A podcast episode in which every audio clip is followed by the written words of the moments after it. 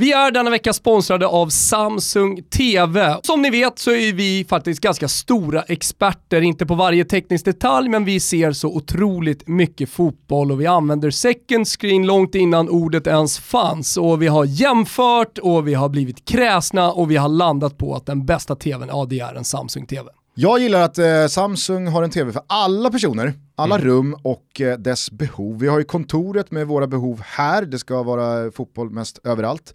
Sen så har jag mitt landställe där eh, Rebecka, alltså hon, hon styr ju mm. vad som får vara där och inte vara där. Och då så har ju eh, Samsung sannoliken tv-apparater som lirar med hennes tycke och eh, smak. Man vill ju helt enkelt ha en tv som är snygg satan men som även ger en grym upplevelse. Håll i dig nu Tompa, jag ger dig Samsung The Frame. Det är en tv när den är på, konst när den är av. Fattar du? Mm. jag tror det. Du kan alltså visa personliga foton eller konst när du inte tittar på tvn, men när du klickar på den, ja då har du din eh, Fiorentina-match där va? Mm, mm. Ja, jag förstår, låter bra. Den har olika frames, du kan eh, till exempel välja en färg som passar just ditt hem och sen så kan du göra en tavelvägg där tvn smälter in. Den liksom försvinner som magi. Äh, men låter helt otroligt Gusten. Kort och gott så har Samsung en TV för alla personer, rum och behov. En Samsung TV är liksom mer än en TV. Balla funktioner och design i fokus. Samsung är TV på ett helt nytt sätt. Samsung är mer än bara TV. Gå in på tv.samsung.se och hitta just din Samsung-TV. Det finns många fina modeller och varianter där. Vi säger tack till Samsung för att ni är med och möjliggör Toto Balotto. Tack!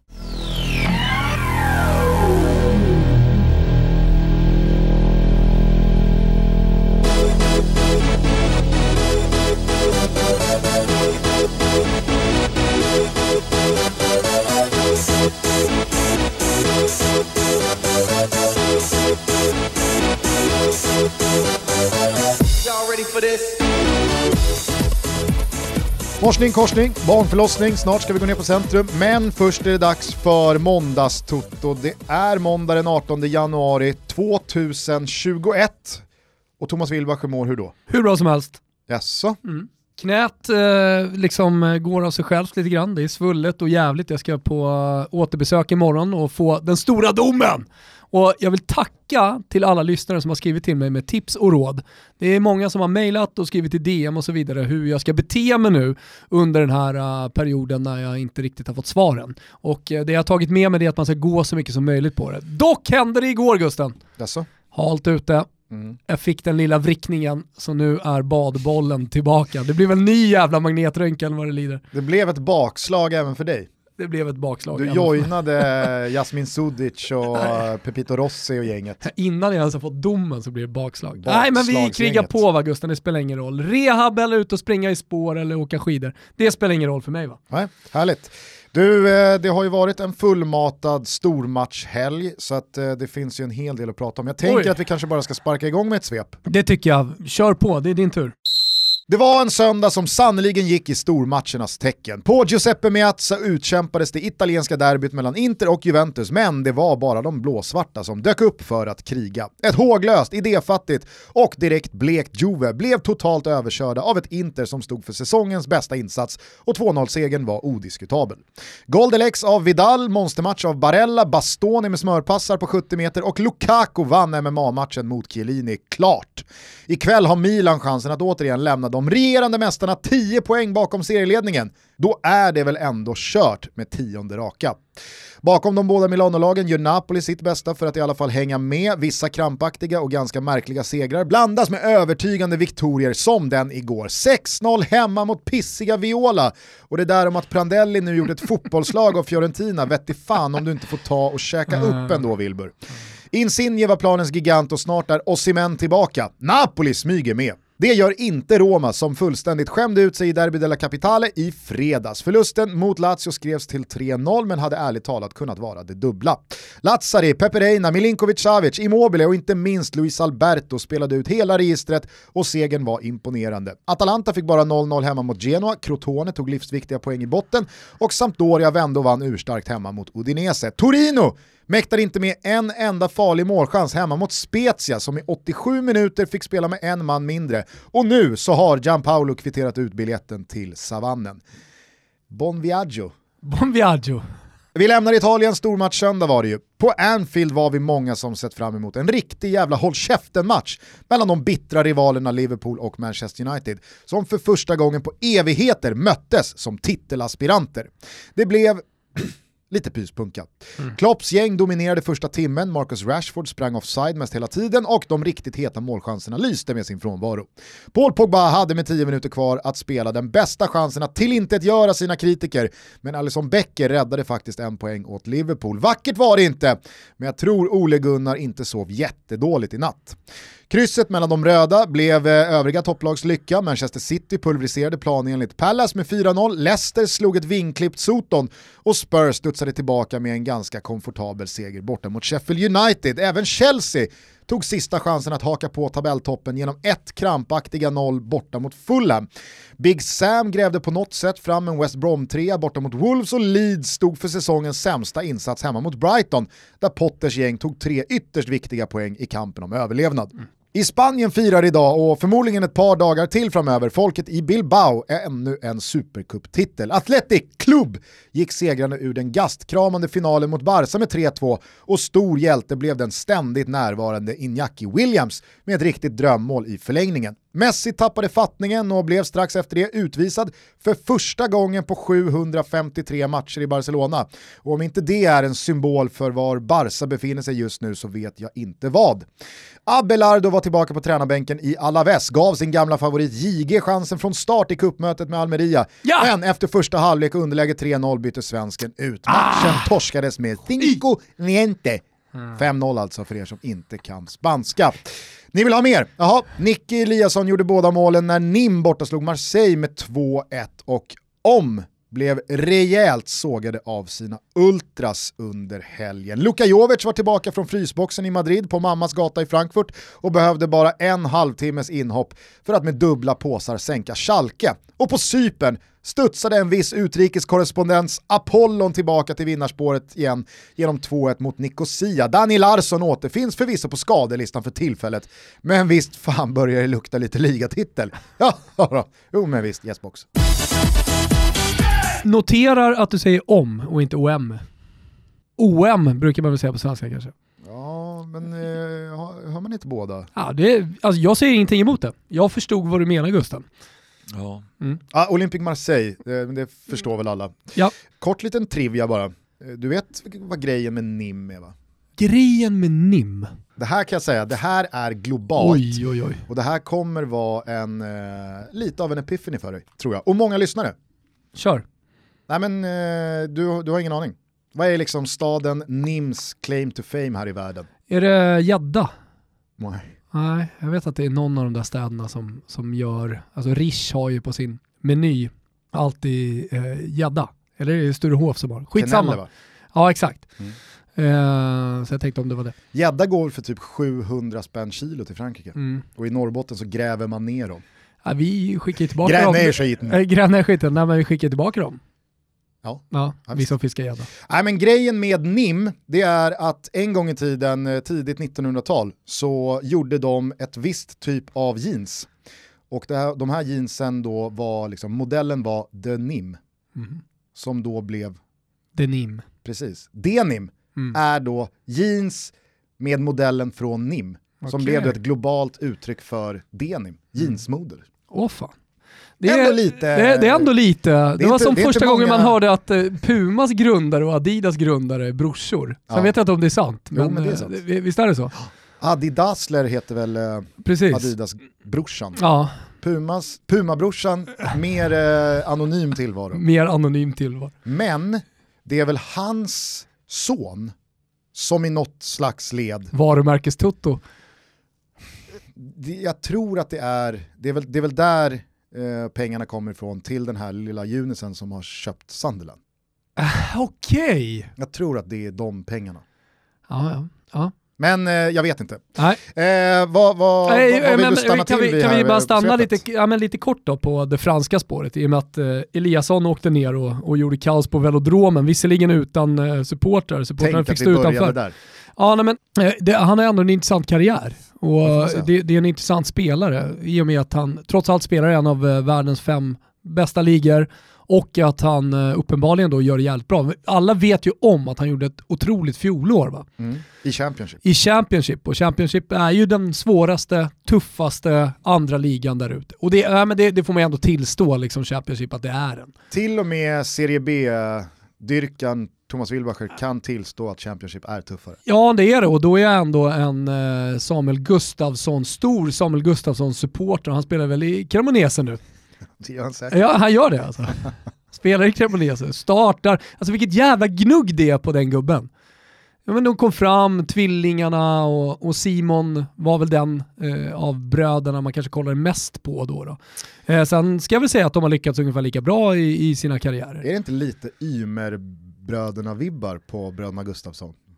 Ja, du menar att det aldrig riktigt lyckades. Men det är Tar det, liksom alltså, men jag tycker att det är så jävla coolt. Jag skrev eh, på Twitter här att jag var, eh, är fullständigt fascinerad av Ernesto Torregrossa som kom in för Sampdoria. De har precis värvat honom och eh, han gjorde sin debut eh, och, och liksom en så kraftfull nick i straffområdet med långt jävla hår, inget pannband springer omkring och håret bara flänger liksom eh, överallt. Man undrar hur fan väljer man att spela? För jag menar, alla som har idrottat vet att det är jobbigt att ha håret i ansiktet och sådär. Och spela i- liksom på den högsta nivån och ändå ta beslutet att fan håret, det får vara där håret är. Nej men, eh, och så kollar jag lite på hans karriär och det, det är ett otroligt jävla gnugg de här spelarna har gjort. Eh, Det vi brukar kalla för gavetta.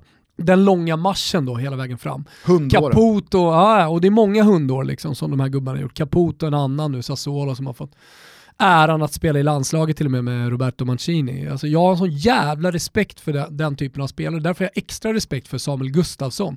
Som är nere och gnuggar i Serie B för liksom femte året i rad. Femte, det kanske var att överdriva. När var, när var jag Bibione senast? Jag hälsade ju på honom när han var på försäsongsläger med Hellas Verona uppe i Alperna och Fabio Grosso coachade. Det är närmare fem år än fem månader. Ja det är det definitivt. Och liksom så här fortsatte, och, och han uttryckte ju trots allt en liten så önskan att ja, men kanske komma ifrån Italien och testa någonting annat. Nu är han kvar liksom och gnuggar i Cremonese. Jag tycker det är, det, det, jag är oerhört fascinerad och väldigt, jag har väldigt stor respekt för dem med pannben. Ja. Gnuggubbsen va. Men här hamnade du eh, från Niklas Eliasson. Eh, men det, det kanske innefattar han också? Att han, Ah, Han har väl gjort en lite mindre gavetta men han är ju trots allt ganska anonym. Det skrivs inte speciellt mycket om honom. Eh, och sen så var det ju någon som uppmärksammade hans säsongssiffror eh, och, i Championship då, att han gjort det jävligt bra. Man började väl prata lite om landslag sådär. Men eh, jag, jag, jag tänker så här, ja men det är Ligue 1, alltså även om det är ett svagt OM just nu så är det ju trots allt, liksom, ja, det, det, det smäller högre än det i Championship. Jag läste här i morse i eh, Pavlidis headlines att eh, lösningen på Är de Marseilles tillbaka? problem... Ja, ja, visst. Headlines. Eh, att lösningen på Marseilles problem eh, verkar bli eh, Milik. 18 månader från Napoli. Var det Slimani vi pratade om senast som vi inte trodde på? Nej, men de har ju plockat in så många, så många. Inte minst då... Jo men Milik är inte svar på någons problem. Nej, men eh, jag menar du har ju då bluffen himself. Världens största skämt till nummer 9-lösning. Mitroglou. Ja men det var han jag menade sa Slimani. Aha. Slimani dök upp för att jag läste något rykte om att han var på väg till någon klubb. Nej, men de hade ju absolut kunnat gå på Slimani. Menar, alltså, det här är en klubb som har gått på Steven Fletcher. Eh, det, det är en klubb som har gått på Det det är en klubb som har Balotelli. gått vilse. Alltså, de verkar inte kunna sätta en enda striker. Eh, och då har de ju dessutom här nu nyligen släppt Kevin Stråtman till eh, Genoa. Ja. Vilket jag tror är liksom det mest illavarslande tecknet en klubb kan göra i det läget Marseille är. ja, alltså säga vad man vill om Stråtman och han har haft sina skadeproblem men eh, alltså, de 57 minuter han gör för Genoa i helgen är alltså, det, det- enda man, man tänker när man ser Stråtman på planen, även om det är en Genoa-tröja och Genoa som har haft det lite tufft då, är att han har en stor klubb att göra. Det där, är, det där är en lirare som ska ta över för Xhaka i Arsenal. Eller liksom så här. Han är så jävla bra när han är bra. Men det ska vara roligt när han gick ut efter 57 minuter. Det rådde ingen som helst tvivel om att han var trött. Alltså han stapplade ut, Ja, typ la sig vid, vid långsidan. Så att eh, det, det, det dröjer väl innan han kör 90 då. Okej, eh, från den här inledningen tar vi med oss att eh, Denim kommer alltså från eh, NIM. Eh, vi tar med oss att Samuel Gustafsson sitter fast i Serie B. trots att han redan för eh, snart fem år sedan önskade att lämna Italien. Och att Nicky Vissa Eliasson eh, gnuggar på i Nim och att Kevin Stråtman var jäkligt trött efter en knapp timme borta mot Atalanta. Se hur mycket man kan göra på en kvart. Vi är denna vecka sponsrade av Zcooly, appen som har revolutionerat sättet för barn mellan 5 och 12 år att lära sig matte för det här gör man genom olika spel. Mm, nej men det är nog ganska många med mig som har barn som inte tycker att den traditionella matten är jätterolig eller inlärningen av matematik är sådär jätterolig. Då fick jag upp eh, ögonen för Skoli för att de kontaktade oss Gusten och har nu använt det tillsammans med Alba som är en estet som inte går till mattelektionen och är jätteglad alla gånger. Är du med?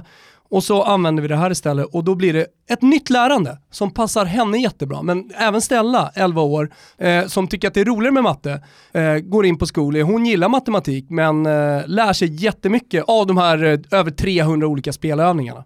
Men sen är ju spelen i sig ganska roliga och det är väl det som, är, eh, det är, väl det som är kicken här. Ja. Att de inte riktigt förstår att de lär sig saker samtidigt. Nej, men det blir ju lite så att man lurar, Alba är en gamer, hon håller på med alla möjliga olika spel, dels på paddan och på, på speldator och så vidare. Så går man in på det här, då är det liksom som man, man lurar in hon tycker att det är roligt, så hon lär sig omedvetet. Jag jobbar ju mycket med det inom fotbollen, att man liksom smyger in delar i en övning. Så man lär dem till exempel att eh, ja, men titta upp för att man inte ska krocka, man skapar trafik och sådär. Och det är samma sätt här med Zcooly.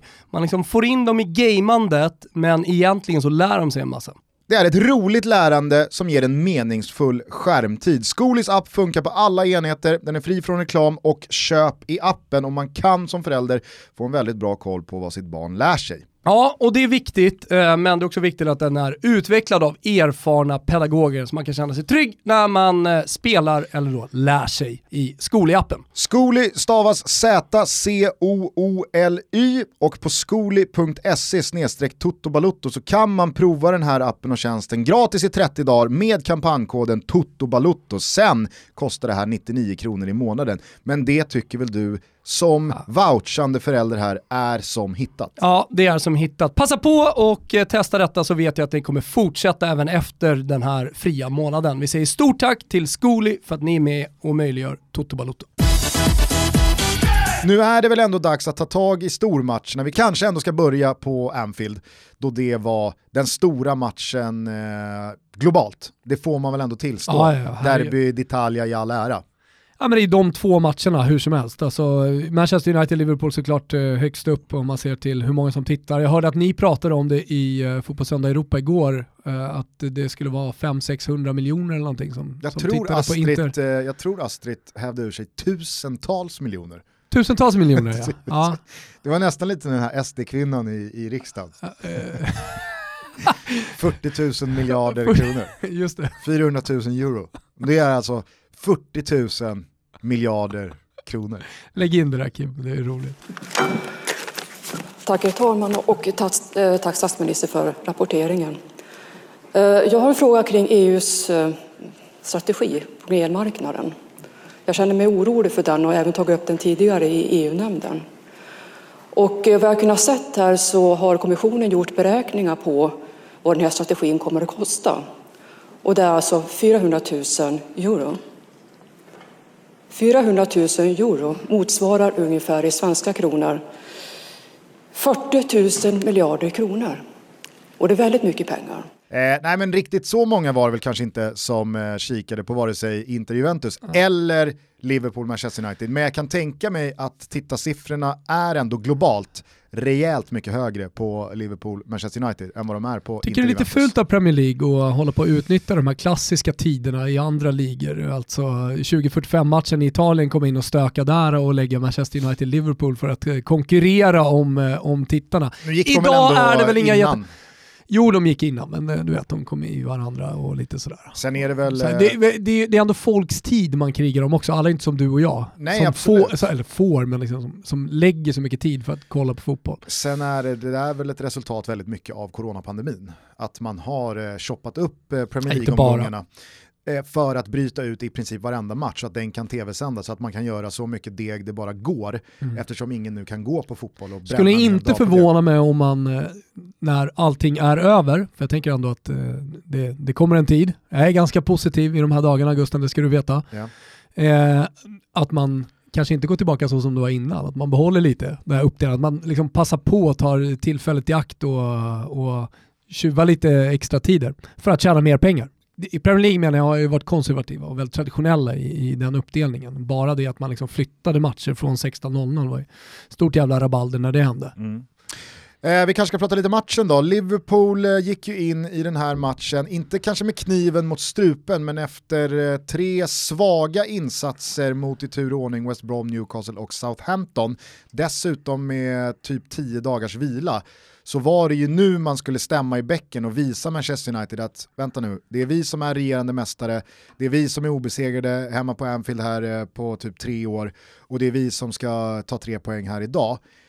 Det är ju ett Liverpool som de ser riktigt, riktigt idéfattiga ut framåt. Ja, men jag tycker det som har varit eh, Klopps Liverpool hela tiden har ju varit att det har funnits tydliga linjer, alltså spelarna vet precis vad de ska göra när de får bollen, det kommer löpningar eh, och det är ofta rätt löpningar och det är bra tajmat. Nu är det väldigt otajmat. Mm. Alltså det handlar, man blir ofta stillastående framför en back, eh, bollar slås på stillastående spelare som får vända upp snarare än rättvända som kommer med fart. Eh, så att det, det, det känns som att det är lite så här grus i maskineriet i Liverpool och att tajmingen inte riktigt sitter. Ja, men det började ju med den där helt hädiska andra halvleken mot Big Sams West Brom, följdes upp med en bortamatch mot Newcastle där ja, men Steve Bruce bara valde att stå ganska lågt för att Liverpool hade inte nycklar att dyrka upp dem. Och det var ju exakt samma sak som hände mot Southampton att man bara, man bara sjönk tillbaka, lät Mané försöka gå en mot en, Robertson på överlapp, men där inne står Firmino och trampar, Salah står och trampar, ingen fyller på och det är åtta man som bara då ska försvara ett, eh, ett inspel snett inåt bakåt. Det är inte jättesvårt. Mm. Och det var ju samma sak igår. Alltså, jag tycker att eh, Manchester United eh, har full koll. Det är, det är Robertson som pumpar på där längs vänsterkanten, men det är för lite oreda att hålla ordning på för försvarsspelare som eh, mm. Lindelöf och Maguire och med så skickliga innermittfältare som Fred och Pogba i, i det felvända spelet. Alltså det, är tandlöst verkligen. Och Trent mm. Alexander-Arnold upplever ju en formsvacka där ute på högerkanten som eh, jag inte såg komma. Nej. Och man märker ju hur mycket Salas framfart senaste två säsongerna har varit väldigt beroende av just en Trent Alexander-Arnold i toppslag som bara forsar med överlappar och inspel och de hittar varandra i kombinationer och det kommer tidiga inspel mot Firmino och Mané på bortre. När, när, det, när, när, när Salah och, och Trent är i det här slaget, då är det som att alltså, man kan skippa högerkanten. Nej, ja. högerkanten har vi koll på. Ja. Det är lugnt. Ja, nej men alltså det, det han lyckas med några gånger, eh, det, det är hans crossbollar över till Robertson direkt och det, det, tycker jag för övrigt är ett sånt jävla vapen. Att, att kunna dra en ganska hård crossboll på, på foten och sen så kommer det direkt inlägg för det går så fort. Eh, då, då stökar man om i backlinjen, då hänger man inte riktigt med i löpningarna som tas i boxen och så blir man jävligt giftiga. Men eh, man, nu i den här matchen lyckades man inte med det heller. Men, men det som slår mig när jag kollar på den här matchen det är att det inte är så jävla stor skillnad mellan Manchester United och, och Liverpool. Alltså det, det, det, är verkligen en match och det som har varit tidigare år så har det varit väldigt tydligt vilket lag som är bäst. Ja, Liverpool har lite mer boll, men kollar du chansmässigt de är också två olika lag med två olika karaktärer. Kollar du chansmässigt, alltså stora chanser i den här matchen, hur slutar den då? Ja, då är det ju slagsida United. Ja, exakt. Solskjaer sa ju det är så lätt. att vi, ja. vi åker härifrån med en poäng, men mm. grabbarna sitter där inne i omklädningsrummet och är besvikna mm. över att inte ha vunnit och det är en jävla bra känsla ändå. Mm. Nej, men, eh, jag såg, eh, om det var Anton Elin, vår, vår gemensamma vän, som eh, skrev liksom att men Liverpool är helt överlägsna. Jag kände snarare liksom att här, ja, de har boll ja men de skapar ju ingenting och United känns farliga när de ställer om. Det jag tycker ändå åskådliggjordes ganska så... Sen är han ju inte en vass fotbollsanalytiker heller, Anton Linske. Det ska sägas, men en jävla golfare! Det är han. Ja, sanslös ja. golfare faktiskt. Nej men det jag tyckte verkligen stack ut igår i Liverpool, det var ju, jag upplevde i alla fall att det här var första matchen när Thiago Alcantara visade vilken enorm tillgång han kommer bli för Liverpools spel. För så mycket ytor han hittar ändå mellan backlinje och mittfält. Ja det här är ju bara och, början också. Exakt, och det var ju det som var så tydligt igår, hur machotränad han är i de här sista touchen, i att han håller i passningen en halv sekund för länge. Jo men det är för att men... han inte kan sina gubbar. Alltså, det, det är tajmingen återigen där som Exakt. inte sitter 100%. Om två, tre, fyra matcher så kommer, tror jag, Thiago dra in de där passningarna och sticka in dem till Mané och Salah och Oh, ja. Firmino och målen kommer börja komma just för att den dimensionen är på plats här nu. Igår var det väldigt mycket Thiago som hade bollen, han vrider sig bara med små kroppsfinter, Mm. vrider till sig ett par lediga kva- kvadratmeter och så kan han göra vad han vill, men det tekniska utförandet var lite för slarvigt lite för många gånger. Mm. Men det som verkligen sticker ut här med Liverpool, det är ju att man är i en januari månad där man på fyra matcher mot West Brom, Newcastle, Southampton och Manchester United har gjort ett mål. Mm. Alltså, då kan man prata hur mycket man vill om att van Dijk är borta, Joe Gomez är borta, Matip eh, har eh, också varit borta här på sistone och att det är en skadekris i, i försvarsleden. Mm. Alltså, visst, det, det, det kanske har omprioriterats några procent offensivt för att säkra upp den defensiven och således så har man inte haft samma möjligheter att producera framåt som innan. Men det är fortfarande alldeles för svaga papper med Salah, Mané, Firmino, eh, Shakiri, du har eh, Oxlade Chamberlain och Henderson och Wijnaldum och alla, då, alla ordinarie spelare i offensiv riktning finns ju att tillgå. Och att då göra ett mål på de fyra matcherna, i det här läget av, av serien också. Nej men det är ju som jag nej, sa i svepet förra måndagen, liksom, att tå- tågen är på väg att lämna perrongen nu. Och då, då gäller det att haka på, för sen kan du stå där i mars. För det är en sån period också, det är mörkt ute och man tänker inte så jävla mycket på att det är nu säsongen ska avgöras. Det är sånt jävla alltid fokus på hösten i början. Och sen så blir det ett fokus igen eh, kring våren, men sen så glömmer man bort lite de här vintermånaderna. När man verkligen kan, kan ja, men som Juventus nu, liksom, tappa en ligatitel mer eller mindre för att man inte hänger med. Och det var också, eh, det var jag också inne på Gusten, att det var kniven mot strupen även fortsättningsvis. Det var ju liksom som att de hade vunnit över Milan och sen var allting så, ja ah, men nu är de med i titelstriden igen, nu är allting frid och fröjd. Mm. Och sen kom en tuff match mot Sassuolo som man faktiskt hade, ha- hade liksom, ja, Bekymmer med. beky- stora bekymmer. Och sen eh, visste man att Derby d'Italia skulle komma mot ett bra Inter. Liksom, så att då, nu, nu, nu står man där. Var det en brygga över till den matchen? Det vet jag inte, eller om vi ska stanna kvar vid Manchester United. Nej men jag tycker ändå att det finns saker att eh, ta med sig från eh, Klopps ord efter matchen han Mm. Börjar prata om att det kommer bli tufft att nå en Champions League-plats. Mm. Jag vet inte om det är någon slags omvänd psykologi för att skjuta över något slags favoritskap på City eller någon annan eller att svära sig fri från att man inte alls ska vara några titelfavoriter eh, eller att det inte finns någon press på Liverpool att vinna ligan utan det handlar om att säkra Champions League-spel. Eller om det bara är liksom en, en pressad eh, Klopp som för första gången upplever att nu börjar det gå åt fel håll. Det tog ju ett tag innan det blev en ligatitel, men det var ju hela tiden någonting Klopp hade pratat om. Det kommer ta si och så här många fönster, det kommer ta tre säsonger innan vi kan blanda oss in i en titelstrid. Sen så tar man något slags poängrekord för andra platsen, sen vinner man ligan, man har redan vunnit Champions League när den bärgas. Så att det här är ju första gången, mig veteligen i alla fall, om jag inte liksom tänker helt fel för några år sedan, som Klopps Liverpool går bakåt rent resultatmässigt. Jag kan inte minnas eh, i alla fall att hans Liverpool har slitit så här mycket för att samla ihop poängen i en tabelltopp i det här skedet. Nej. För fyra år sedan, jag menar, då, då var ju inte Liverpool laget som skulle vinna ligan Nej. och det var, då var inte, det var ingen utskällning av Klopp för att han inte ledde ligan i januari. Men nu så, jag vet inte, jag, reagerade när han började prata om att det kommer bli tufft att lösa en Champions League-plats. Samt, samtidigt kan jag tycka att det är lite skönt med en mer balanserad eh, blick liksom på och tanke kring toppfotbollen. Bara för att de vann ligan mer eller mindre i februari förra året eh, så betyder inte det att de ska göra det varje år. Så funkar inte fotboll. Det spelar ingen roll liksom hur, hur överlägsen det var året innan. Det vill bara kolla på City, det här är ett annat eh, bra exempel. Och då är det ändå fortfarande samma tränare som är kvar. Det, är, det, det har inte skiftats tränare, det har inte gjorts några jättestora ansträngningar på transfermarknaden eller eh, man har inte kastat om i truppen speciellt mycket utan det, det är samma lag som möter mer eller mindre samma lag på andra sidan också. Mm. Med samma tränare, det är Pep och det är Solskär och, och gängen liksom. Eh, utan ja, men, så är fotbollen. Och, och sen kan det ha att göra med delar liksom som för Liverpools, men, men å andra sidan så att de släpper inte in jättemycket mål heller. Klart att det är mer stabilt med van Dijk och han är stor ledare och är viktig i omklädningsrum och allting. Så att det är inte bara att han är, han är viktig för defensiven.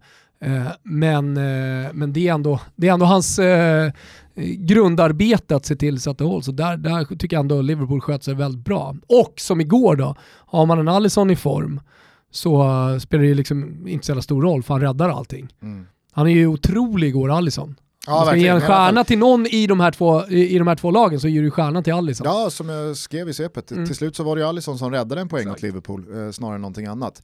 Men jag tycker Manchester United förtjänar cred. Eh, många menar ju på att nej, men Ole Gunnar Solskär är inte rätt tränare ur ett långsiktigt perspektiv för Manchester United. Just för att han han har inte på drygt två år nu etablerat eh, en spelidé som snarare tyder på att Manchester United ska vara ett lag mm. som dominerar matcher, som för matcher, som spelar ut motståndare på egen kraft, utan att man snarare är ett kontringsinriktat lag som är jävligt organiserade defensivt och skickliga på omställningsspelet, men det kanske inte är dels vad Manchester United ska vara, men heller inte vad som över 38 omgångar leder till att man är bäst av alla. Jag vet inte, men det är ju väldigt många som har den invändningen kring Ole Gunnar. Mm. I en sån här match, med förutsättningarna som är, så tycker jag att, alltså, jag, jag tycker att han, han väljer ju helt rätt sätt att, att angripa den här matchen. Mm. Låt Liverpool ha bollen då. De är trubbiga för dagen, de har eh, förmodligen ganska stukat självförtroende vad gäller offensiven. Låt oss ligga rätt, låt oss ligga på rulle med Rashford och mm. Martial och låt oss växa in i den här matchen så kommer våra ytor också komma ju längre det här lider. Men eh, det man verkligen får ge Manchester United är att man nu har skaffat sig en position med ett ganska gynnsamt spelschema här kommande månaden, en och en halv månad. Man ska inte in i Champions League åttondelar och bränna massa fokus där, utan bästa laget kommer spela Premier League. Sen så kommer väl ett rejält roterat lag spela Europa League och sen så får man väl ta sig an den turneringen om det väl börjar brännas med mm. en semifinal kanske. Men det finns ju en bredd på truppen att snurra där. Eh, vi får väl se hur det går här nu mot Liverpool i FA-cupen, men jag kan tänka mig att skulle United åka ur FA-cupen mot Liverpool, det är kanske ingenting man jublar åt där och då. Men fan vet om inte United ändå kan orka sig med här hela vägen. Mm. För jag tycker ändå Men, att med Pogba, ja. med Pogba ja. på plan tillsammans med Bruno Fernandes så finns tillräckligt mycket trygghet i att äga bollen. Mm. Det finns självförtroende som snarare handlar om att ge mig bollen så gör jag någonting mer än snarare än att man ska ligga och vänta på att något annat lag ska göra misstag. Mm. Så att, äh, jag ja, men kontinuitet i de här prestationerna och kontinuitet i de individuella prestationerna också på nyckelspelarna, typ, ja, men framförallt kanske Pogba. Men sen också med bredden att man nu har Cavani att kasta in. Som och där har... behöver man ju, man behöver sätta Cavani nu. Ja. Den här avstängningen kom lite olägligt. Jo. För det var ju precis, man kände ju att mm. nu har Cavani tagit sig förbi Martial och nu är han ordinarie. Han gör det. Ja absolut, och det är nu det ska ske. För jag, jag, jag det är inte Martials säsong. Det är inte det. Nej, det, det, det är väl ganska tydligt och det finns mycket utanför fotbollen sådär också som jag tycker tyder på att det, det, liksom, ja, det kanske inte ska vara Manchester United vad det lider. Eh, men eh, Cavani definitivt. Men alltså, vilken jävla tabelltopp det blir ändå i Premier League här. Eller är, inte ja, bara blir, utan det är, det är helt sanslöst jämt. Ja. ja, men det är det. Jag såg att uh, Bayern München blev uh, tyska vintermästare uh, i, uh, häromdagen. Det är också en, det, det är tight, men det skulle inte förvåna mig om eh, nu när tågen går och så vidare, att Bayern München om eh, en och en halv månad har 6-7 poäng försprång ner mot Dortmund och, och Leipzig. Ja, vi får se. Det, det, var väl det tysk media pratade om efter den här helgen, att man kan inte hålla på och tappa poäng som Dortmund och Leipzig och Nej. Leverkusen Nej, men de fick gör. ju en möjlighet Exakt. här nu. Nu öppnades det upp, dem. nu kör vi. Nu går tåget, vi hakar på. Nej.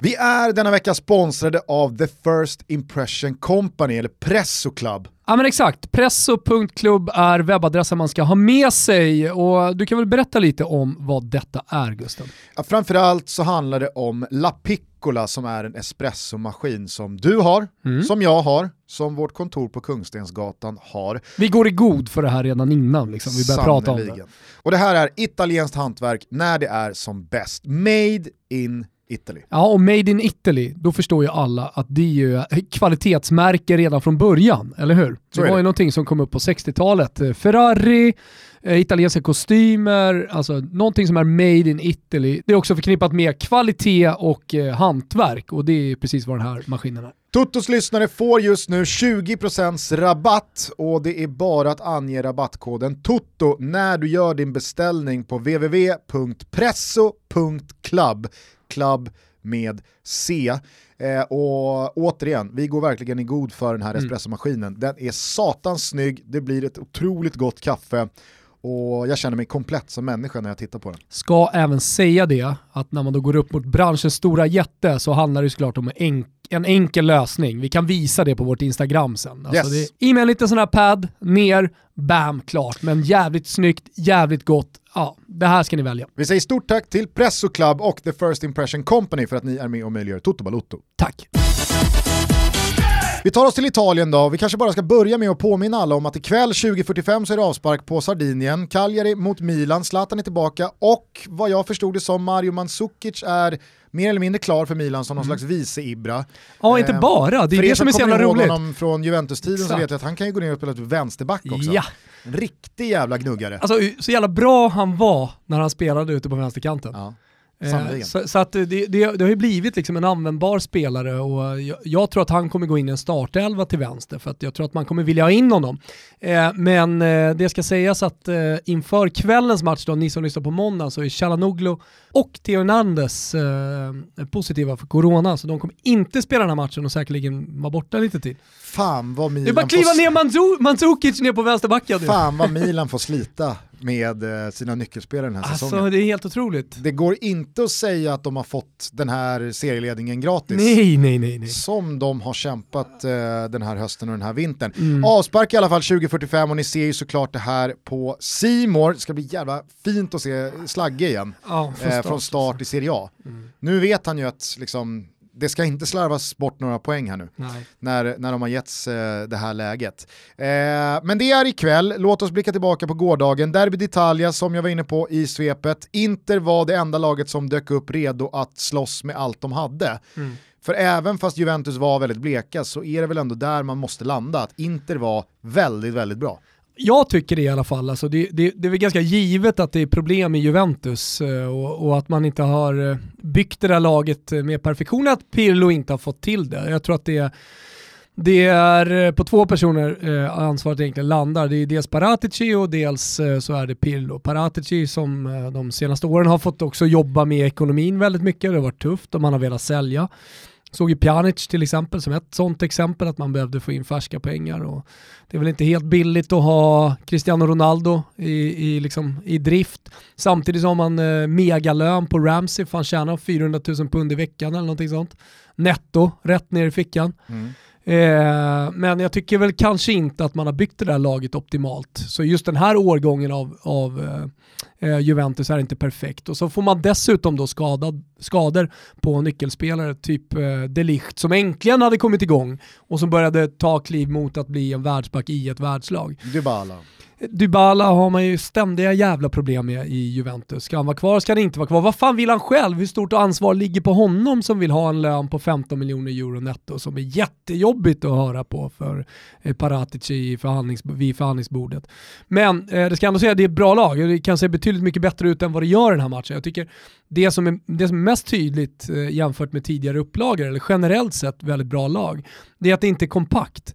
Det blir så jävla långt lag hela tiden. Man såg flera gånger frustrerade anfallsspel och så satte hög press och sen kom inte pressen från backlinjen eller från mittfält och sen backlinje.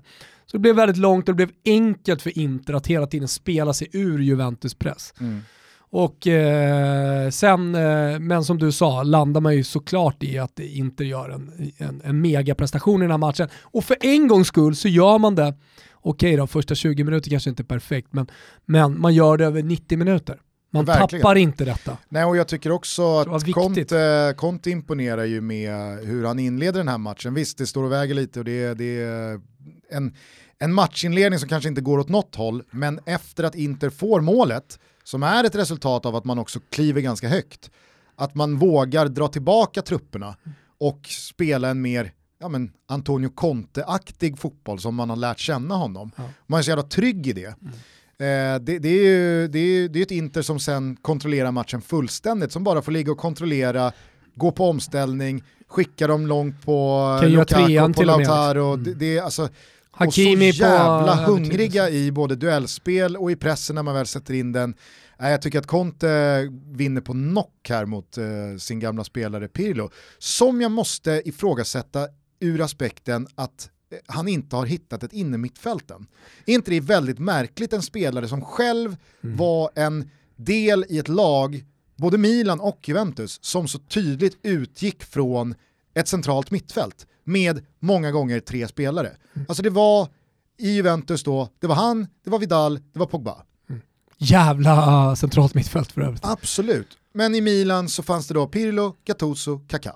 Mm. Alltså, jag fattar inte varför en sån tränare landar i att inte sätta ett mittfält när man också har... Cedorf eh, vill man ju in där va? Absolut, men, ja. Eh, ja, men... ja du, du, du, du, du fattar säkert vad jag menar.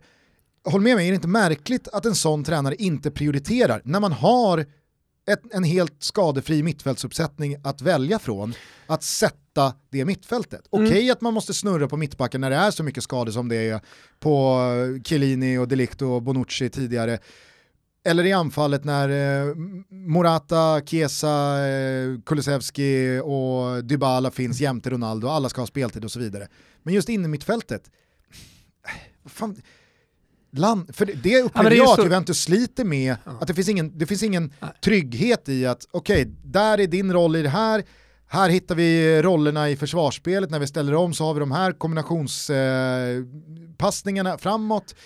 Det, det, det ser rörigt ut. Men jag tycker ändå så att de, ja, kanske den senaste månaden så har jag tyckt att det har varit på gång och, och framförallt då med McKennie som inledde jättestarkt och sen så hade väl lite tuffare och hamnade ur startelvan och sen så tillbaka igen så tycker jag liksom att så här, äh, men för mig i alla fall har det varit väldigt tydligt att han ska spela, att han ger någon slags stabilitet. Och sen är det jättebra spelare runt, men jag tycker till exempel en spelare som Rabiot inte ska vara med i en startelva. Nej, men Rabiot och, spelar väldigt mycket. Du har Bentancourt. Jo, men han gör det aldrig bra. Artur plockas in som en väldigt helt, För mig är det helt oförståeligt hur Artur inte kan vara navet i en sån viktig match. Ja, eller inte bara i den här matchen, utan i det här Juventus. Ja.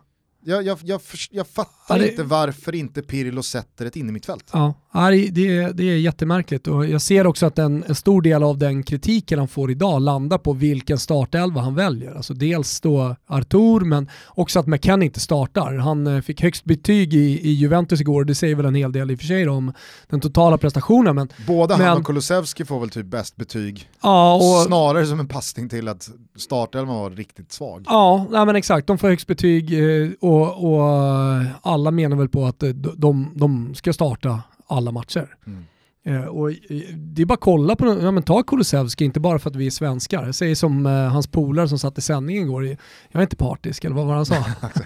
jag kanske är lite jag partisk. kanske är lite partisk, jag säger det också. Jag kanske är lite partisk, men, men helt ärligt, kolla på de senaste matcherna, kolla på eh, Kulusevskis prestationer oavsett om man har spelat på topp eller om man har spelat eh, eh anfallsmittfältare ute, ute på en kant. Det, det, det, det, liksom, det är så jävla givet att han ska in. Mäktiga anfallsmittfältare ute på en kant. Det var en ny eh, positionering. Uh, jag, jag, hade attacking mittfielder, i, jag hade en tjej som uh, fyllde år i mitt lag, så jag har precis skrivit attacking mittfielder på, uh, jag kör engelska va? på mitt uh, tjejlags uh, Instagram. Ah, okay. många, många internationella lag som följer oss, Lyon och Juve och en jävla dundergäng från USA här nu. Hybris i sin renaste form. Vill ja, vi få se instagrammar på engelska ja, om sitt flickor 11-lag? Jag fick, fick, fick från flickor 12-tränaren så att det var smärtsamt att se tyckte han. Måns. Det förstår jag. Ja. Det förstår jag. Eh, men eh, som jag var inne på i svepet då, om Milan vinner ikväll så är det förvisso med en match mer spelad än Juventus, 10 poäng. Mm.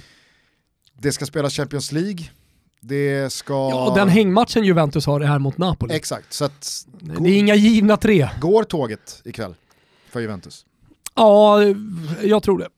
Jag tror det. Alltså, det är favorit på det i alla fall. Det finns en sannolikhet i saker och ting se, men... Uh... Jag har så jävla svårt att se Milan inte tappa ligatiteln, men att tappa 10 poäng. Ja, men låt säga att uh, de värvar Mandzukic och att uh, truppproblemen som de trots allt har haft under hela hösten, under den tiden när de faktiskt har skaffat sig uh, pole position i, i ligan. Alltså, säg att de kommer in i mars när våren eh, kommer till Italien och det börjar blomma och det är liksom soldränkta arenor, kanske till och med med lite supportrar på läktarna, mm. och, ett, och, ett, och ett Milan utan skador, de, de tappar inte många poäng in, in, in, till, in till maj och det finns en jävla massa anledningar till att de inte tappar poäng. Även Nej. politiska. Sannerligen, men eh, som du är inne på, den här hängmatchen Juventus har också är mot ett Napoli som man inte heller riktigt vet vad man har. Och jag ska Nej. säga en sak om den Ja. matchen, för ni pratade om den i studion igår och menade på att Viola var bedrövliga. Självklart är de bedrövliga, men det är en konstig första halvlek ska jag säga. Är Första inte 45 he- minuter är, det helt otroligt. helt otroligt att Lozano ställer sig upp efter eh, den smällen med Dragowski. Jo. och 3-0 målet. Gustav Vasa menar du? Exakt. Ja. Ja. Det kan vara rullstol där. Ja, det är en rejäl impact i den smällen. Tyvärr Irving, dina knän är Och smulor. inte så att det vreds eller någonting, utan Nej. det bara var en sån jävla smäll så att allt krossades. Exakt, det är kex som trampas på. Mm, precis. Ja, nej, men för er som inte såg matchen så var det ju ett eh, Napoli som... Eh, Ja, men håll med om att man fick lite All- hopp om Fiorentina i första halvleken. Alltså även om Napoli är mål, alltså man, man, man skapar chanser, det ser rätt bra ut sådär. Men sen är det ju en ineffektivitet, men det är också ett försvar som är en schweizerost. mm. Exakt, och Napoli har ju dessutom typ 100% i effektivitet. Ja, Jag tror inte de tar ett avslut i första halvlek som inte går i mål. ja, Eh, det var det jag ville ha sagt. Men, jag tycker men, också att det är så fint. Nu vet jag inte om det har rapporterats om någon skadekänning i italiensk press, men det är så fint att eh, Ribéry ger upp i paus. ja. Nej, Det är, inte in, det är inte något taktiskt, Nej. det vet man. Det är ingen, Det är ingen skada, även Han har ju precis varit skadad Absolut. visserligen, men hade det stått 0-0 så hade ju Ribéry startat Men han halvlek. säger ju till Prandelli i paus, eh, jag kliver av, No, tack för mig. no. Exakt, bara no. Eh, nej men eh, visst, det, det, är väl, eh, det är väl klart att eh, det, det, kanske var siffror som inte riktigt speglade i synnerhet då den första halvleken. Men det är ju lite lusigt av dig. överkörning. Det är Jag lite vet. lusigt av dig att börja liksom, vifta hämta- bort 0-6. Det är lite Fe- efter ja. 0-3 att det är domar. Det är domarens fel alltihopa. Eh, nej, det ska jag definitivt inte göra, men, men liksom försvar till, eh, eller försvar, om man nu ska analysera den första halvleken så gör ju, som du säger, Napoli mål på alla de chanser man får. Och sen så är det ju en briljant jävla Lorenzo Insigne också som inleder eh, matchen så jävla bra. Han gör ju vad han vill egentligen. Jag noterade för övrigt, på tal om då Insigne, att han eh, gjorde en eh, framspelning till Lozano i San Diego Maradona-anda på Stadio Diego Armando Maradona igår, att även den argentinska superkuppen har bytt namn till Copa Diego Maradona. Tyckte det var fint. Mycket fint. Och den spelades mellan? Det var Veles, eh, Veles Sarsfield, som vann mot Rosario. Givetvis tre röda kort. Mm. alltså, det mest givna. Argentinsk fotboll och röda kort, det är en kärlekshistoria som nog aldrig kommer eh, ta slut. Eh, nej men eh, ska vi bara kort eh, återgå till eh, Derby d'Italia där, för att jag tycker verkligen Inter spände musklerna på ett imponerande sätt igår. Eh, jag sa det i, i studion också till Vicky och Astrid att det som imponerade mest på mig med Inters seger igår var att det inte var en seger där Handanovic gör fyra monsterräddningar på jättelägen från Juventus eller att det var Hakimi som var överjävlig eller kanske framförallt då att det var Lukaku och Lautaro Martinez match där de två som ett briljant anfallspar vinner matchen med 2-0 utan att alla var liksom bra. Det var en sån jävla solid, stabil, Där, där har du orden. gedigen lagseger. Ja, men där har du orden. Alltså, Antonio Conte är ingen tränare som kommer att sälja drömmar, utan han ger en verklighet och han hans lag krigar till sig en tabellposition eller en, eh, eh, vad ska jag säga, framgångar. Eh, framgångar han, han inleder liksom inte åren med att sälja drömmar till supportrarna, utan han, det är hårt jävla jobb. Och sen så får man se om det betalar sig eller om det inte gör det. Så här. Men det här är ju, jag tycker att Inter igår är på något sätt frukten av eh, hårt jobb hela tiden. Och det är någonting som kännetecknar Antonio Conte egentligen från det att han var tränare i Bari och allt som han har gjort hela vägen fram. Så är det just det. Att det är ett jävla gnugg hela tiden. Och att han i slutändan ofta står som segrare. Och då menar jag inte bara alltid som tit- alltså i, i form av titlar. För så jävla många titlar har han inte alltid vunnit och jag vet att han inte har gått bra i Champions League eh, och, och sådär. Men, men det jag menar är att han lämnar med eh, han, han, gör, han gör en exit där man tycker att han har varit bra i klubben. Liksom, så han får nya bra uppdrag och det kommer han fortsätta göra. Han, eh, han har ofta liksom en, en, formkurva, eller en kurva på sina lag, utvecklingskurva ska jag säga, som pekar uppåt hela tiden över en säsong. Och det tycker jag hela tiden har talat för eh, Inter, även under de perioderna när Konta varit ifrågasatt och när spelet inte funkade. Som i, var det i november eh, när, när man pratar om lite kris i, i Inter, när resultaten inte riktigt eh, gick vägen. Sådär. Men eh, sen, sen måste man ju bara säga, jag vet inte om det är the power of Toto för vi pratade inte om den här spelaren som dålig, utan vi pratade bara om honom som ett kukhuvud och någon som man vill skalla, nämligen Barella. Mm. Så jag vet inte om det är power of Toto att han var så jävla bra i den här matchen. Men, men folk skrev så här jinx, vadå jinx?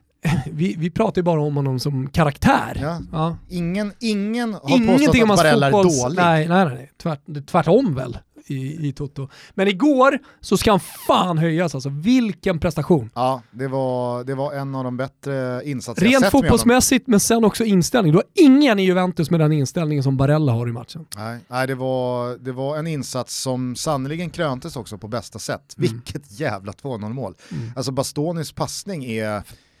Jag vet inte hur han hittar den. Nej. Och det sen, där är sån här passning. Alltså, säg att Kolarov hade slagit den där passningen.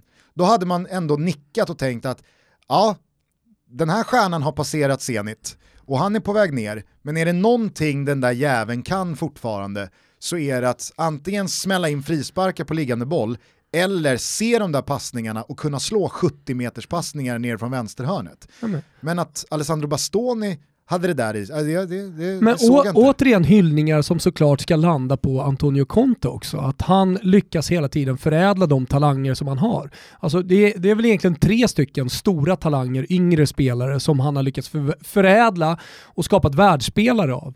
Eh, Hakimi kom självklart från Dortmund, spelat stora matcher och allting, men det är alltid tufft att komma till en ny liga. Kolla på Hakimi nu, kolla hans senaste månad. Är han Serie A's bästa spelare? Ja, det är fullt rimligt. Eller hur? Ja, i konkurrens med vadå? Barella. Eh, och na, nu har någon i Milan säkert också och sådär. Frank Kessie har varit jävligt bra till exempel. Skitsamma. Eh, Skits. Varför säger jag det för? Skitsamma. Jag ville komma till eh, Bastoni. Nej, Bastoni, eh, Hakimi och Barella, de tre, de tre unga spelarna liksom som lyfter Inter. Det är inte bara att de är där och är med, utan de gör skillnad i Inter. Det går väl att argumentera för att Conte har haft jävla impact på Lautaro Martinez också. Jag sa en... skitsamma till mig själv ja. i huvudet. Du vet, så här, skit i det nu för fan, vad håller du på och babblar om? ja. Ja. Eh, nej men verkligen, eh, det är bara att lyfta på hatten för Conte, för Inter. Men schnitzeln tycker jag ändå går till Inter-supporterna som eh, laddade på med ett jävla fyrverkeri. Både vid avspark men också efter 1-0 där. Jag tror inte man ska underskatta vad det gjorde för mm. laget också. Ja men du känner närvaron. Exakt, och, och, jag tror inte att det är någon slump att Inter är det laget som visar mer energi i första halvlek, som springer de extra meterna, som manar på varandra. Visst, de får resultatet med sig eh, efter en kvart, men jag tror att det där, en sån här säsong när det har varit öken och det har varit i princip tomma läktare varenda match, så tror jag att det där gör större skillnad än vad man tror. Ja, jag tror att det gör jättestor skillnad återigen då, liksom för supporternas vikt och att eh, lag som har ett stort eh, följe och mycket, många hemmasupportrar såklart drabbas hårdare än andra klubbar som kanske inte har riktigt lika många supportrar. Och jag tänkte på det eh, efter att ha sett repet som eh, Frida Nordstrand gjorde från eh, San Sebastian där det var då en, en, en eh, grupp, eller var det en eh, farbror, Ja, det, är, det är en klubbanställd. Klubb. Ja, en klubbanställd som då skickar ut eh, raket när Real Sociedad gör mål. En raket eh, om eh, Lareal gör mål, mm. två om det är motståndarna. Två om det är motståndarna? Ja. Okej. Okay. Eh, och det är då till fiskarna Eh, som eh, inte kan gå på matchen så att de, ah, en slags livescore helt Exakt, enkelt. Ja. ute på havet. Ja, men jag tänkte på det igår för att de, eh, när, när inte gjorde mål så skickade de ju upp eh, nytt förverkeri för att berätta för hela Milano att nu, nu gör det mål. Kanske är det någonting som man borde fortsätta med. Kanske är det så att Real Sociedads klubbanställda är någonting som supportrar ska ta med sig. Mm. Roligt grepp i alla fall och som du säger, 100% så höjdes inte över det. Hörrni, eh, vi tar oss till eh, Spanien då på, på tal om detta. Och på tal om argentinska röda kort. För första gången på 753 matcher, rött kort Lionel wow. Messi. Och ska man ta rött kort så kan man lika gärna ta rött kort. Jävla rallarsving. Ja. Det var, Det var mycket frustration i den svängen. år av frustration Det var år av frustration. Alltså den där var till presidenten, hans närmsta män och alla kritiker. Ja. Nej men eh, är för er, som, eh, för er som missade Nu blir det lugnt i matchen- 12 år. Sen kommer nästa jävla vinge. Nej, men för er som inte såg matchen så var det ju ett eh, Barcelona som eh, alltså, till slut ändå slarvar bort den där titeln. Ja. I och med att man leder så pass sent in på, på matchklockan som man gör. Men Bilbao, det är ju sånt jävla krigargäng. Ja, ja, ja. Och jag vet att man inte får säga Bilbao, men ibland blir det så att man säger Bilbao och inte Athletic Får och får. Du får säga precis vad fan du vill i den här podcasten Gustav. Tack. Eh, Iñaki Williams eh, avgör på ett eh, jävla supersätt och på något sätt så känner jag mer glädje att ett lag som Athletic Club vinner en sån här titel som det betyder så jävla mycket för. Iker Munjain har senaste eh, supercuptiteln intatuerad på vaden. Adam Pintorp har ju eh, skickat ut hur det har sett ut eh, på, på gator och torg när eh, det här folket har firat titlar förut. Jag menar Barcelona en sån här säsong, det gör ju ingen skillnad för någon egentligen om de vinner den här titeln eller inte. Jag tror inte speciellt många spelare springer runt och bryr sig. Det är inte det här som räddar Komans framtida existens. Det är inte en sån här titel som gjuter någon slags olja på vågorna vad gäller krisen i klubben. Så jag kände en jävla glädje för att ett lag som Athletic Club fick vinna eh, en sån här titel. Såklart, man, man, man unnar ju alla provinslag såklart titlarna som är lite mindre. Men eh, nu pratas det ju om eh, ett par, tre, kanske rent av fyra, fem matchers avstängning för Messi. Presidentvalet är uppskjutet, det är lite så här postponat eh, på grund av coronan. Skadesituationen är ju vad den är, snart kommer PSG på besök. Alltså, det, är, vet, det är bara, det är bara tre, veck tre fyra veckor till, till. Champions League. Det går så satans fort alltså. Men eh, Nej men sen, är- sen är det ju 10 poäng ner om man vinner en av de två hängmatcher eh, som Atletico har. Mm. Alltså, och 10 poäng ner, det är ganska mycket. Vinner man båda dem, ja, men då är det, då är det 13 poäng ner till Barcelona. Det finns det, ju, det, det, det, ett gap som inte går att äta, äta i kapp för Barcelona. Sen har ju eh, man förstått att den ekonomiska situationen är vad den är i både Barcelona och Real Madrid. Att det, det, det är en eh, ekonomisk situation som är mycket, mycket värre än vad man kanske ja, men som utomstående trodde. Mm. Och att eh, men det- snordyra övergångar och värvningar, det är bara glömma. Mm. Det, det, det finns liksom inte på kartan. För det är ju, tycker jag, väldigt talande för det här januarifönstret, en sån här corona-pandemisk präglad säsong som det är. Det är inte mycket aktivitet alltså. Nej, det är verkligen inte det. Utan det, det, det är väl liksom, Även fast det finns många klubbar som behöver göra ja saker. men det är typ Mandzukic, alltså den typen av värvningar som görs nu. Luka Jovic eh, lånas tillbaka till Tyskland eh, för att han inte får spela. Ja men Stråtman till Genoa, absolut. Så att eh, jag såg att eh, Andrea Conti, min gubbe, skulle till Fiorentina. Blev ju inte det. Det hade ju varit någon slags ödets ironi att han ändå landade hos oss. Hur blev det med Graziano Pelle och Eder och gänget? Verkar som de tjänar så jävla bra där borta. Eh, så, och jag, jag tror att de kommer fortsätta göra det så att de liksom väntar ut de där megakontrakten. Det är ju de sista stora kontrakten, alltså den, den typen av megakontrakt borta i Kina som, som betalas ut nu. Mäktiga Gurra Svensson också, vände tillbaka till Guangzhou. Ja, ja. Oj, här fanns det, Ja, men 20, jag- här fanns det 20 millar till att hämta. Jag såg, ja, eh, ja. jag såg att eh, ett par Göteborgspolare skrev liksom att så här, det känns det fel om Göteborg inte agerar här nu på Gustav Svensson. Men alltså det är sådana pengar de ska gå upp emot alltså. Alltså det är jävligt mycket hjärta såklart och jag förstår supportrarna här att eh, någon gång kanske du ska välja hjärtat istället för någonting annat. Men att lägga det på Göteborgs klubbledning tror jag är fel. För jag vet inte vad han kan tjäna, men eh, 20 millar netto. Absolut. Eh, Absolut. Det är väl rimligt, vad fick han eh, som är 15 miljoner netto, eh, Ulvestad nu? Mm, Ja, exakt. ja, exakt. Så om han ligger på 20-25, jag menar Danielsson har väl 30, eh, 35 liksom, netto pengar. Så är det för en spelare som, även om man har varit ute och, och, och snurrat i proffslivet och fått ganska feta kontrakt, pengar som gör skillnad. Du, du har ytterligare en generation som du ekonomiskt säkrar, eh, barnbarn och så vidare. Visst, det kanske inte är Jaquinta och en Drangheta-kontona, men Nej. eh, det är klart att 20 millar gör en jävla skillnad. Momsredovisat och klart liksom. Det, det, det, det är bra pengar att avsluta karriären med. Ja. Och när dessutom Blåvitt har vad då att erbjuda? Smällkallt Valhalla hela Ja, men det, det, det är väl en burk sill och, och en käftsmäll. Men vet, Tjena Gurra! burk sill. BAM! Kommer en jävla Men smäll. också, god stämning på Kamratgården. Det vet man ju, det är liksom det är Jocke, trumfkortet. Jocke, Jocke från BB-podd skallar Gustav Svensson som en del i hans arvode när han kommer. Det är klart att man väljer Guangzhou när chansen Kan, finns då. kan eh, finnas eh, vissa uppsidor med det. Hörni, eh, på tal om just eh, svenska transfernyheter så tänkte jag att vi skulle avsluta dagens avsnitt bara med en eh, kort liten passus eh, förbi Bayern. Jag har noterat här i dagarna en intressant eh, situation som har uppstått. Eh, en eh, så kallad Swish-kampanj har ju sjösatts av eh, Hammarby eh, och deras supportrar. Jag tror du sa Bayern, alltså München. Ja, nej, jag bara, nej. vad är det för jävla vad är det tyskt swish det står om? Ja, nej, nej. Eh, Björn Paulsen kommer ihåg, Ja. på tal om På Gustav tal om Vasa spelare, ja, också på, på tal om spelare som spelar med långt hår utan pannband. Han har ju Han pannband. hade lilla pannbandet Ja, inte så litet heller. Han hade stort pannband ja. Väldigt mycket pannband, väldigt mycket skägg, var ju eh, kanske den bästa huvudspelaren eh, i allsvenskan genom tiderna. Hamnade långt ut i eh, Fantomens spindel. Precis, Svante Samuelsson var i andra änden av spektrat. Ja, det var sannerligen Gugge. Den sämsta huvudspelaren sett till längd. Någonsin. Någonsin. Genom tiderna pratar vi. Ja.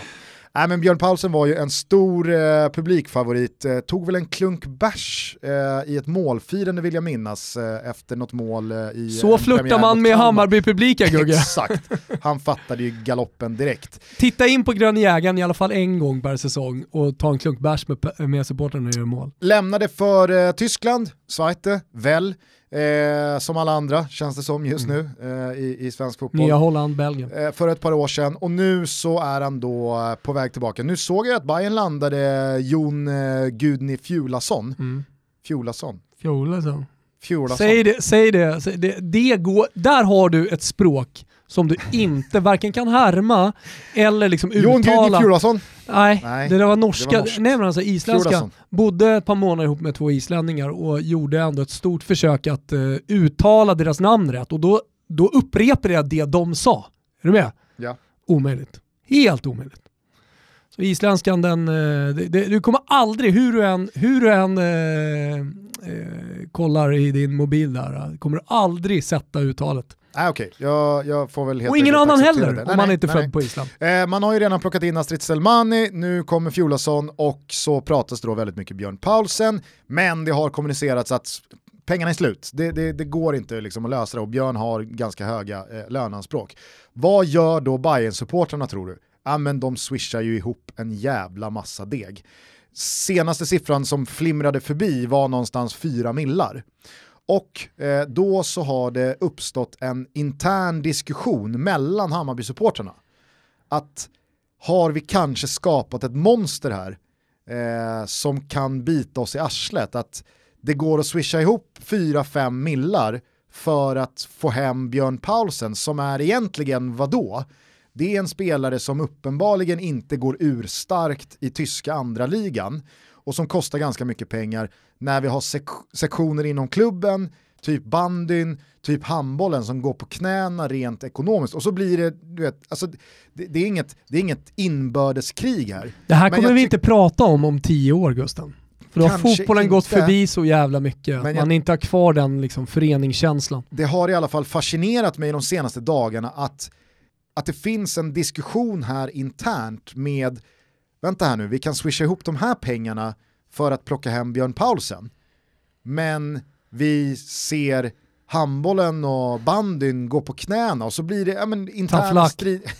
Jag vet, men du förstår inte alls att det ändå är lite intressant att följa en sån inte- ja, situation. Ja, absolut, den är intressant att följa för att vi är på väg, som jag säger, eh, mot eh, en vardag där, där man skiter i det här. Så att det- är liksom de sista proletärerna här nu som försvarar föreningen och de, de olika idrotterna som finns inom föreningen. Samtidigt För om tio ju- år kommer ingen bry sig. Absolut, men det är ju dessutom en aspekt av att supportrarna möjliggör en värvning och är det i förlängningen rätt?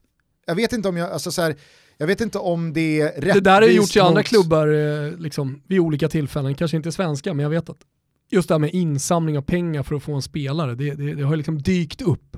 Jag kan tycka kanske att det är lite fel väg, eller fel väg, det är konstigt. Jag tycker att supporterna gör så mycket redan ändå, så de kan ta sina pengar och liksom göra någonting annat med. De Precis. behöver liksom inte hjälpa klubben. Om de har ekonomiska problem och är på väg att gå i konkurs, det är en sak. Man samlar upp pengar för att rädda föreningen. Men för att värva Björn Paulsen, äh, lugn nu.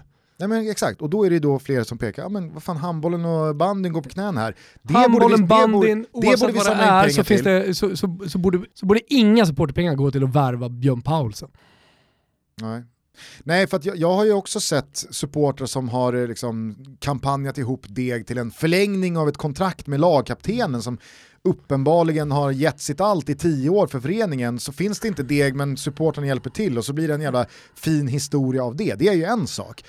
Men att swisha ihop fan en saftig övergångssumma eller en sign-on-summa eller en kontraktslönsumma eh, till en sån här spelare, en sån här värvning. Jag vet inte, det, det blir så jävla onödig press på liksom, dels Björn Paulsen, man underminerar Jesper Jansson samtidigt som supportrarna alltså, Hur som mycket pengar behövs? Nej, men det är väl någonstans här säkert.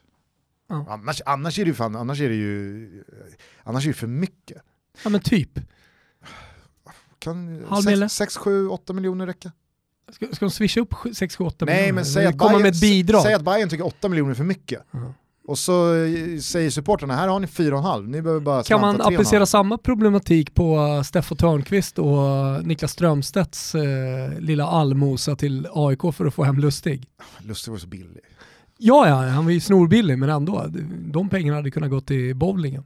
Ja, men det kändes ju mer som att det, det, det var ju en kul grej mellan Steff och, och Niklas Strömstedt. Vad ska vi göra med alla våra pengar?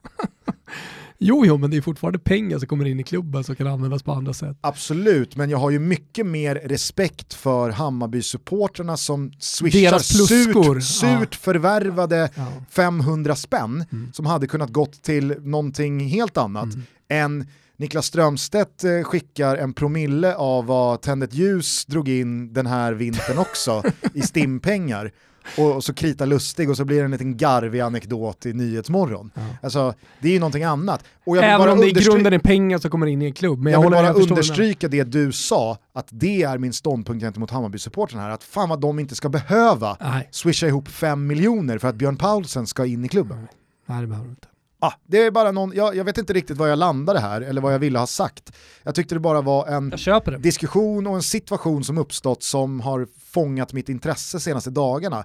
För jag har följt då olika Twitter-trådar där man Just diskuterar det här internt. Vissa är liksom, ja men jag bryr mig bara om fotboll, jag skiter, i, jag, jag skiter faktiskt i, i, i bandyn och handbollen och, och fäktningen. Det är inte det som är Hammarby, det är inte det som mitt intresse liksom kretsar kring, utan det är fotbollen. Och jag vill ha tillbaka Björn Paulsen så jag är med och bidrar. Men vad händer med de här pengarna om det inte blir Björn Paulsen? Hur redovisar man dem? Det, alltså, går de tillbaka då till alla? Momsredovisningen du är inne på här nu. det kanske är en Drankitan. Hela vägen upp på söder. Jag vet inte fan, spara de pengarna till Ah, ja. Hörru, har du något mer på hjärtat eller ska vi släcka ner måndagstotto-butiken? Ja, men jag tycker det var en trevlig helg, det är trevliga tider, eh, smittan på väg ner. Vi Fan vad kanske kan skönt börja att vi inte pratade Derby della Capitale. Mer än eh, liksom avhandlare i svepet. Nej, och det, det, men däremot det man kan säga om det, på tal om jävla prestationer, för egentligen så är det ju ja, men, ganska likt Derby d'Italia. Alltså att eh, du har ett lag som underpresterar som inte har någon, jag såg att du var ute och svingade mot Dzeko men det, han är ju inte ensam i det laget. Eh, däremot så bär han kaptensbindeln så jag förstår vad du säger. Men, men inställningen i matchen och sen dessutom då det taktiska mellan tränarna där Simone Inzaghi kliver in och dunkar kuken i bordet samtidigt som Fonseca inte har några idéer. Och då ska jag också säga att, Fonseca hade ju en idé. Vi ställer oss högt ja jo, ställa Småling liksom och vakta mittlinjen. Det var väl en sån där idé. Ja. Småling, du ska vakta, ingen ska förbi mittlinjen. Men det är ganska enkelt, då kan vi bara slå den över. Nej, men sen så tycker jag att eh, Lazio idag är ett betydligt bättre lag och bättre ihopsatt lag också. Roma har någonting på gång långsiktigt och det är ett, eh, vad ska jag säga, medelintensivt projekt som de håller på med där nere, lilla verksamheten. Mm. Och det kommer säkert eh, gå framåt men det kommer också gå lite bakåt eh, då och då. Medan Lazio, de, vad de nu har för jävla verksamhet Lazio. Å ena sidan så gör Iljitare ett jättebra jobb, å andra sidan så är det en superitaliensk övning som albanen sysslar med. Och nu är det säkert Lotito som kommer in här. Han, han är väl den som i slutändan, så som det funkar i italienska familjeägda företag Gusten. Du har tänkt på det när du går in i en bar i Italien, men så sitter vi i kassan. För i Italien funkar det så att du går först till Ja. kassan, pröjsar, får en lapp, går och, och, beställer i baren din cappuccino eller din negroni eller vad du vill ha. Men det, det, Det är det, högsta hönset. det, det, det, det är ofta mamman i familjen, Yes. som, eh, som, eller mormon, som sitter där. För att pengarna, de har man eh, koll på själv. Annars är det någon jävel som ska komma och sno. Liksom. Man litar inte på någon annan. Så att jag tänker att i slutändan så eh, har den här fakturan attesterats av Claudio Lotito. Han låter liksom inte Iljitare ha, ha nå, nå, nå, något ansvar över några pengar i slutändan. Hur som helst, det som har hänt och det jag pratar om, eh, som jag tycker gör Lazio ännu mer älskvärda på något sätt, det är att man eh, hade ju Pedro Neto, Mm. alltså från, eh, eh, från Braga va? Portugis i Ja, alla fall. Han, ja, han kom från, han kom från Braga, han löste honom. Och då finns det egentligen två perspektiv på det här som jag tycker är liksom värda att ta upp. Det ena perspektivet är, hur i helvete kan man tappa en sån jävla spelare som Pedro Neto? Jag tycker han är helt fantastisk i Wolves och han är fortfarande purung och kommer bli ännu bättre. Så det, det är liksom det ena, hur man kan tappa honom. Hur som helst eh, så går han då till Wolverhampton. Men Lazio ska ju fortfarande pröjsa eh, till Braga. Då gör man istället en utbetalning till Sporting Lissabon. Så Sporting får typ 11 miljoner euro.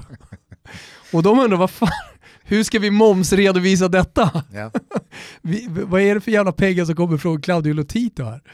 Eh, så man har helt enkelt bara skickat pengar till fel klubb.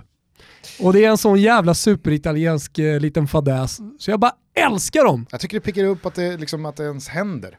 Ja men exakt. Sådana här fel görs. att sådana här fel eh, görs. Och det är liksom en betalning som eh, man nu, tror tror att allting är klart eller? Nej. Nej, utan det är också problem med summan här. Man tycker att de har betalat för lite. Säg att de ska betala, enligt, säg att de har betalat typ 8-9 miljoner. Ska, tycker Braga att de ska ha 11 miljoner. Så ja, där finns, där finns en polemik då som man håller på att försöka lösa samtidigt som man försöker lösa momsredovisningen i Portugal och i Italien här. Ja. en jävla soppa helt enkelt är det! De får eh, skatta sig lyckliga åt eh, derbysegern i alla fall. Det var Ah, smärtsamma fy fan, minuter på tilläggstid Ah, när hela fint. laget stod och hurrade varje Lazio-passning som slogs. Du såg vem som ledde eh, den lilla supporterskaran som var spelare? Nej, Cataldi. Ah, Han höll ju på att röva sig mot Roma-bänken i, i typ en kvart och jag bara njöt. Och varför njöt jag? Jag är Lazio-supporter. Nej, men ibland så väljer man bara att omfamna. sorgliga Cataldi. Det. Shithouseri. Det ja, Det var shithouseri på hög nivå från Cataldi. mäktiga shithouseriet. Ja.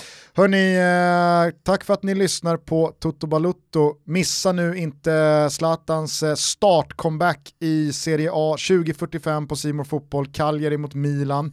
Missa heller inte allt roligt vi gör tillsammans med våra vänner på Betsson. Resultattipset rullar vidare. Snart ska du och jag sjösätta en Toto-liga för dels Serie A, men också för åttondelsrundan i Champions League. Det blir Ja, jävligt roligt. roligt. Eh, ibland är det också bara att konstatera att man var åt helvete snett på det vad gäller Toto-trippen. Ja. Torino skickade ut eh, Gianpaolo på savannen Mm.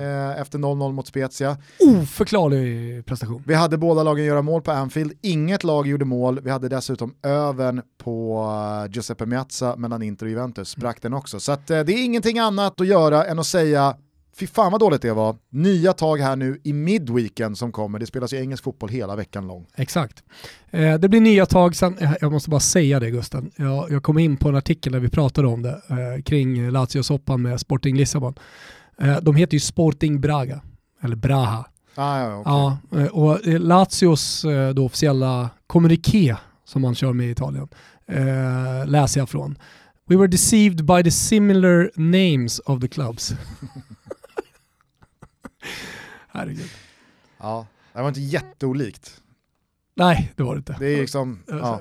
De heter IFK Norrköping, IFK Exakt. Göteborg. Båda det är IFK. den enda likheten. Ja. Mm. Hörni, eh, tack för att ni lyssnar. Vi hörs snart igen. Ta hand om varandra. Här kommer lite eh, helikopters tror jag bestämt. Oh, härligt. Puss. Tack.